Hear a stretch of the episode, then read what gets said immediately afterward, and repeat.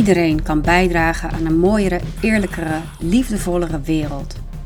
Ik ben een witte cisvrouw zonder handicap van middelbare leeftijd. Ik ben ex-ondernemer, partner, moederzus, dochter, vriendin, buur, vage kennis en veel meer. Mijn naam is Maaike van Kempen en ik leef mijn eigen kleine, bescheiden leven zo goed en groot als ik kan. Deze podcast helpt me daarbij. Het is een plek waar ik reflecteer op mijn ervaringen en gedachten. Dit is Kabaal.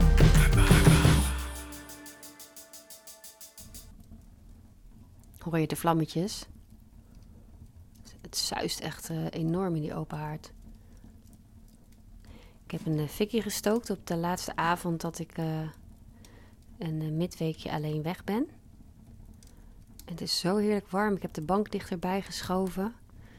Ik zit te genieten van de vlammetjes en de kleuren van de kooltjes. En het klinkt ook zo heerlijk. Het knettert een beetje. Ja, ik ben in een uh, vakantiehuisje. Uh, voor uh, vier nachtjes dus. En ik heb wat tijd alleen genomen. Ik vind het altijd heerlijk om alleen te zijn. Ik kan ook enorm genieten van gezelschap. En ik heb zo wat lievelingsmensen die ik graag om me heen heb. Maar alleen heb ik ook echt nodig om nou, weer tot rust te komen en uh, mezelf weer goed te kunnen horen of zo. En dan denk je, tot rust komen. Het is uh, maart, je zit al vanaf januari uh, thuis zonder werk.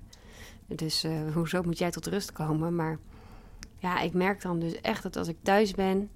en mijn familieleden zijn ook thuis... aan het werk of aan het leren... omdat het tenslotte lockdown is... dan vind ik het zo onwijs moeilijk om mijn eigen ritme te vinden en mijn eigen verlangens te voelen. En um, om echt te, merken van uh, waar ik uh, goed aan doe. Wat, wat voor mij dan uh, juist is. Bovendien val ik dan makkelijk terug in een oud patroon van zorgen en pleasen. En ehm, ja, dat is niet erg. Ik bedoel, daar krijg je niks van. Maar ik denk dat het gezonder is om te merken wat er echt voor mij goed is op dat moment. Want dat is op de lange termijn alleen maar beter voor mijn huisgenoten. In plaats van dat ik uh, nu iets doe omdat het een oud patroon is. Dat ik er zaggerijnig van word, want dat hoort dan ook bij het patroon. En dat we aan het einde van de dag ruzie hebben, bij wijze van spreken. Maar goed, ik zit hier dus nu sinds maandag. Het is donderdagavond. En uh, nou, ik merkte, maandagavond was ik nog helemaal een soort van hyper. Toen heb ik uh, um, films zitten kijken. Ik heb volgens mij wel drie films achter elkaar zitten kijken. En wel toffe films trouwens. Um, I, Tonya was echt een gave film. Milada was ook een mooie film. En 37 Seconds was ook een mooie film stonden allemaal op Netflix, want we hebben weer tijdelijk even een abonnementje. Um, nou, dinsdag was ik ook nog best onrustig. Toen heb ik, uh, ik weet niet wat ik heb gedaan. Oh ja, ik had mezelf voorgenomen om elke dag in bad te gaan en elke dag te gaan hardlopen. Dus nou, dat heb ik maar meteen gedaan en afge afgecheckt. En um, verder heb ik mezelf vooral in de weg gezeten. Heb ik wat podcasts geluisterd en um, wat uh, eten gemaakt. En ik merk dat als ik dan onrustig ben, dat ik dan steeds maar blijf eten. Dus dan had ik een heerlijk husseltje gemaakt. En dan uh, nog een half uur later nog een plak kaas erachteraan. En dan nog een half uur later handje nootjes. Ja, daar merk ik dan echt aan dat, dat ik eigenlijk niet helemaal lekker zit. En, um, maar goed, dinsdagavond um, mezelf zover gekregen dat ik een uurtje ben gaan schrijven in mijn uh, dagboekje. Dat werkt altijd onwijs goed voor mij. En um, toen ben ik gaan schrijven over, um, over mijn werk. Want ik dacht, ik ga een weekje weg. En dan ga ik terugkomen met ideeën over wat voor werk ik dan wil gaan doen. Als mijn spaarpot leeg is en die begint, het bodem begint in zicht te komen. Dus ik moet wel een beetje actie gaan nemen binnenkort. Dus ik dacht, nou, ik zal eerst eens terugblikken op wat ik allemaal heb gedaan qua werk. En uh, nou, dat is best wel veel, uh, besefte ik me. Maar goed, dat wordt de volgende aflevering. en ik heb... ehm, nou, toen woensdagochtend stond ik op. Wat heb ik gedaan? Oh ja, ik weet het alweer. Ik ging eh, koffie drinken in de zon, want de zon scheen. Dus ik ehm, had dan echt eh, even de stoel op een plek gezet waar het niet hoort of zo. En dat mocht gewoon van mezelf. en eh, lekker koffie gemaakt. Ik heb van zo'n koffiefilter bij me waar dat dan zo zachtjes doorheen druppelt. En ehm, daar word ik heel gelukkig van. Dus ik heb wat zitten schrijven in de zon. En, eh, maar ik merkte ook steeds dat ik een beetje die onrust toch weer had. Maar ook eh, nog specifieker dat ik merkte dat ik gewoon schrok van een fietser die voorbij kwam over het eh, pad.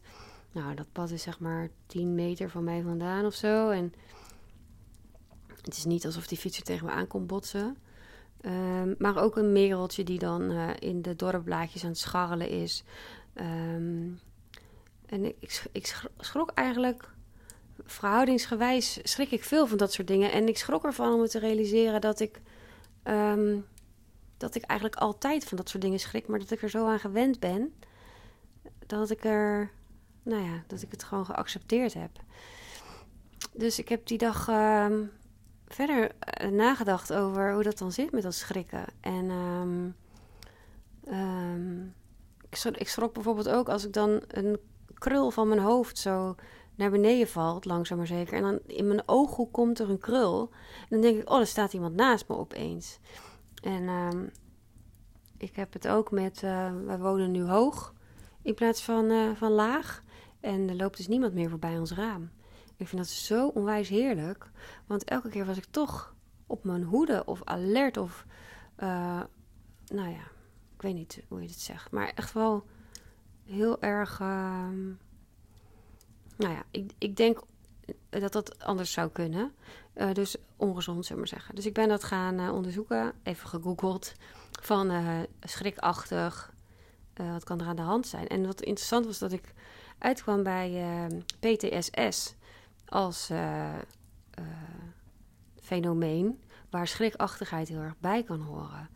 Dus ik dacht eerst, nou dat hoort helemaal niet bij mij. Want ehm, ik heb toch helemaal geen trauma's meegemaakt. Ehm, bovendien moet je bij PTSS ook herbelevingen hebben. Dus dan zou ik elke nacht wakker moeten liggen van hetgeen mij getraumatiseerd heeft. En eh, nou, dat is niet aan de orde. Ehm, er waren wel een aantal andere kenmerken bij, en die gingen dan onder het kopje vermijdingsgedrag. Dus dat je niet wilt denken aan hetgeen je een trauma heeft, hebt bezorgd. Dus dat je bijvoorbeeld heel hard gaat werken, eh, dat je concentratieproblemen hebt. Nou ja, nog een aantal dingen die ik even niet meer zo weet. En uh, ja, die dingen herken ik dus enorm. Maar goed, ik ging dus verder lezen en lezen. En ik denk, ja, misschien, uh, misschien heb ik wel een trauma opgelopen. Um, en um, in de beginjaren, of begin, hoe noem je dat? Begin twintig. Toen uh, gedurende vijf jaar de mensen die me heel dierbaar waren, om ziek werden en uiteindelijk ook eentje doodging. En um, dat dat me gewoon echt enorm veel verdriet gedaan heeft. Maar spanning heeft gegeven ook. En heel veel angst van, van die continue dreiging.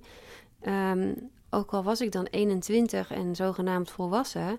Ik was ook iemand die geen uh, steun vroeg. Of die überhaupt niet in de gaten had dat ze steun nodig had. Die um, eigenlijk alleen maar aan het uh, zorgen was dat mijn leven schijnbaar zo normaal mogelijk verliep. Zodat de mensen om me heen die het echt zwaar hadden, geen last van mij hadden. En dat die uh, konden denken: Oh, met Maaike gaat het goed, dus, dus ik ben niet ook nog haar tot last. Nou, en zo'n soort formule heb ik gevonden om die vijf jaar te leven. Waarin natuurlijk ook het gewone leven door, doorgaat met. Uh, in mijn geval uh, op mezelf gaan wonen, samen gaan wonen, uh, zwanger worden, huis kopen, trouwen. Um, ook allemaal best wel grote dingen. Um, maar ja, waar ik dus nu vandaag en gisteren zo'n beetje achter kwam, is dat ik eigenlijk die periode van vijf jaar. Dat ik, dat ik daar gewoon nog veel te weinig aandacht voor heb gehad. Dat ik daar nog echt wel soort van met terugwerkende kracht, dat, dat meisje van 21, of nou ja, jonge vrouw, zullen we maar zeggen, van 21, dat die ja, zich gewoon lam geschrokken is. En dat hij helemaal in de eentje uh, dat heeft uh, geprobeerd uh, te, te, te, managen. En natuurlijk niet helemaal in mijn eentje, want er waren wel mensen die me wilden steunen. En er waren wel mensen tegen wie ik het erover had. Of, um, en er zijn ook wel momenten geweest dat ik wel bijvoorbeeld echt mijn emoties heb geuit en dat ik moest huilen. Maar die zijn zo ja, zo schaars eigenlijk. En uh, nou ja, mijn voornemen is nu dus om uh, ja, met terugwerkende kracht uh, die vijf jaar te gaan onderzoeken. En mezelf alsnog de support geven die ik uh, toen eigenlijk kon gebruiken. Um, om te kijken, nou sowieso lijkt me dat totaal geen kwaad kunnen om um, ruimte te maken voor, voor die periode. En nou, ik ben ook heel benieuwd wat dat doet met die schrikachtigheid die ik heb. Um, want die vond ik opeens heel erg opvallend. Maar goed, zoals gezegd, die heb ik eigenlijk al jaren. Ik weet niet beter. Maar goed, dus daar was ik um, afgelopen dagen mee bezig.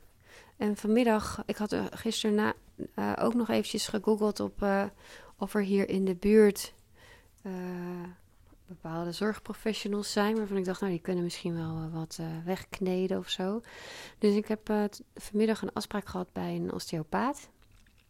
Die heeft, nou ja, mijn lijf onder handen genomen. Ze heeft niet specifiek een bepaald vetkwapje aangeraakt waarvan ze zegt, nou, dit is nu de uh, oplossing en nou, nou, word je nooit meer schrikachtig. maar een meer soort van onderhoudsbeurt gekregen waar ik op zich wel goed gevoel bij heb. En, uh, maar ook om weer een beetje meer in mijn lijf te komen te zitten in plaats van alleen maar in mijn hoofd. Dus nou ja, dat is eigenlijk de, de, de winst van de afgelopen dagen hier.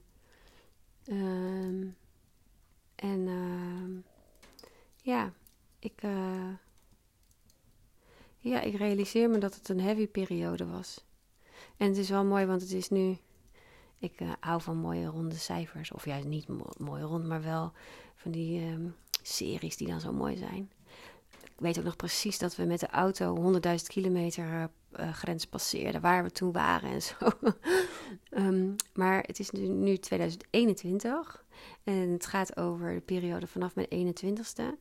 En het is nu precies 21 jaar later, dus toen was ik de helft wat ik nu ben. Um, dus nou ja, het wordt tijd om eens even wat dagboekjes te herlezen, wat fotoalbums terug te kijken. En uh, ik heb ook een afspraak gemaakt met een, um, hoe heet ze, met Esther Holtrop van uh, de paarden, systemische opstelling met paarden.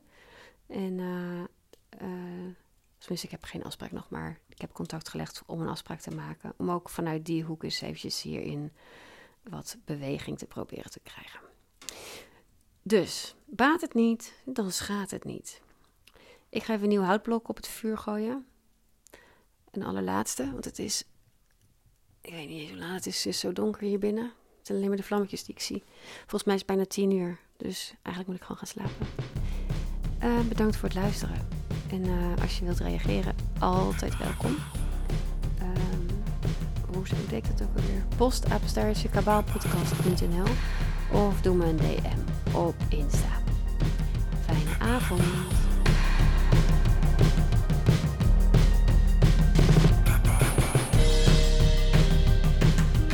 Deze super toffe muziek is gemaakt door Henry van den Berg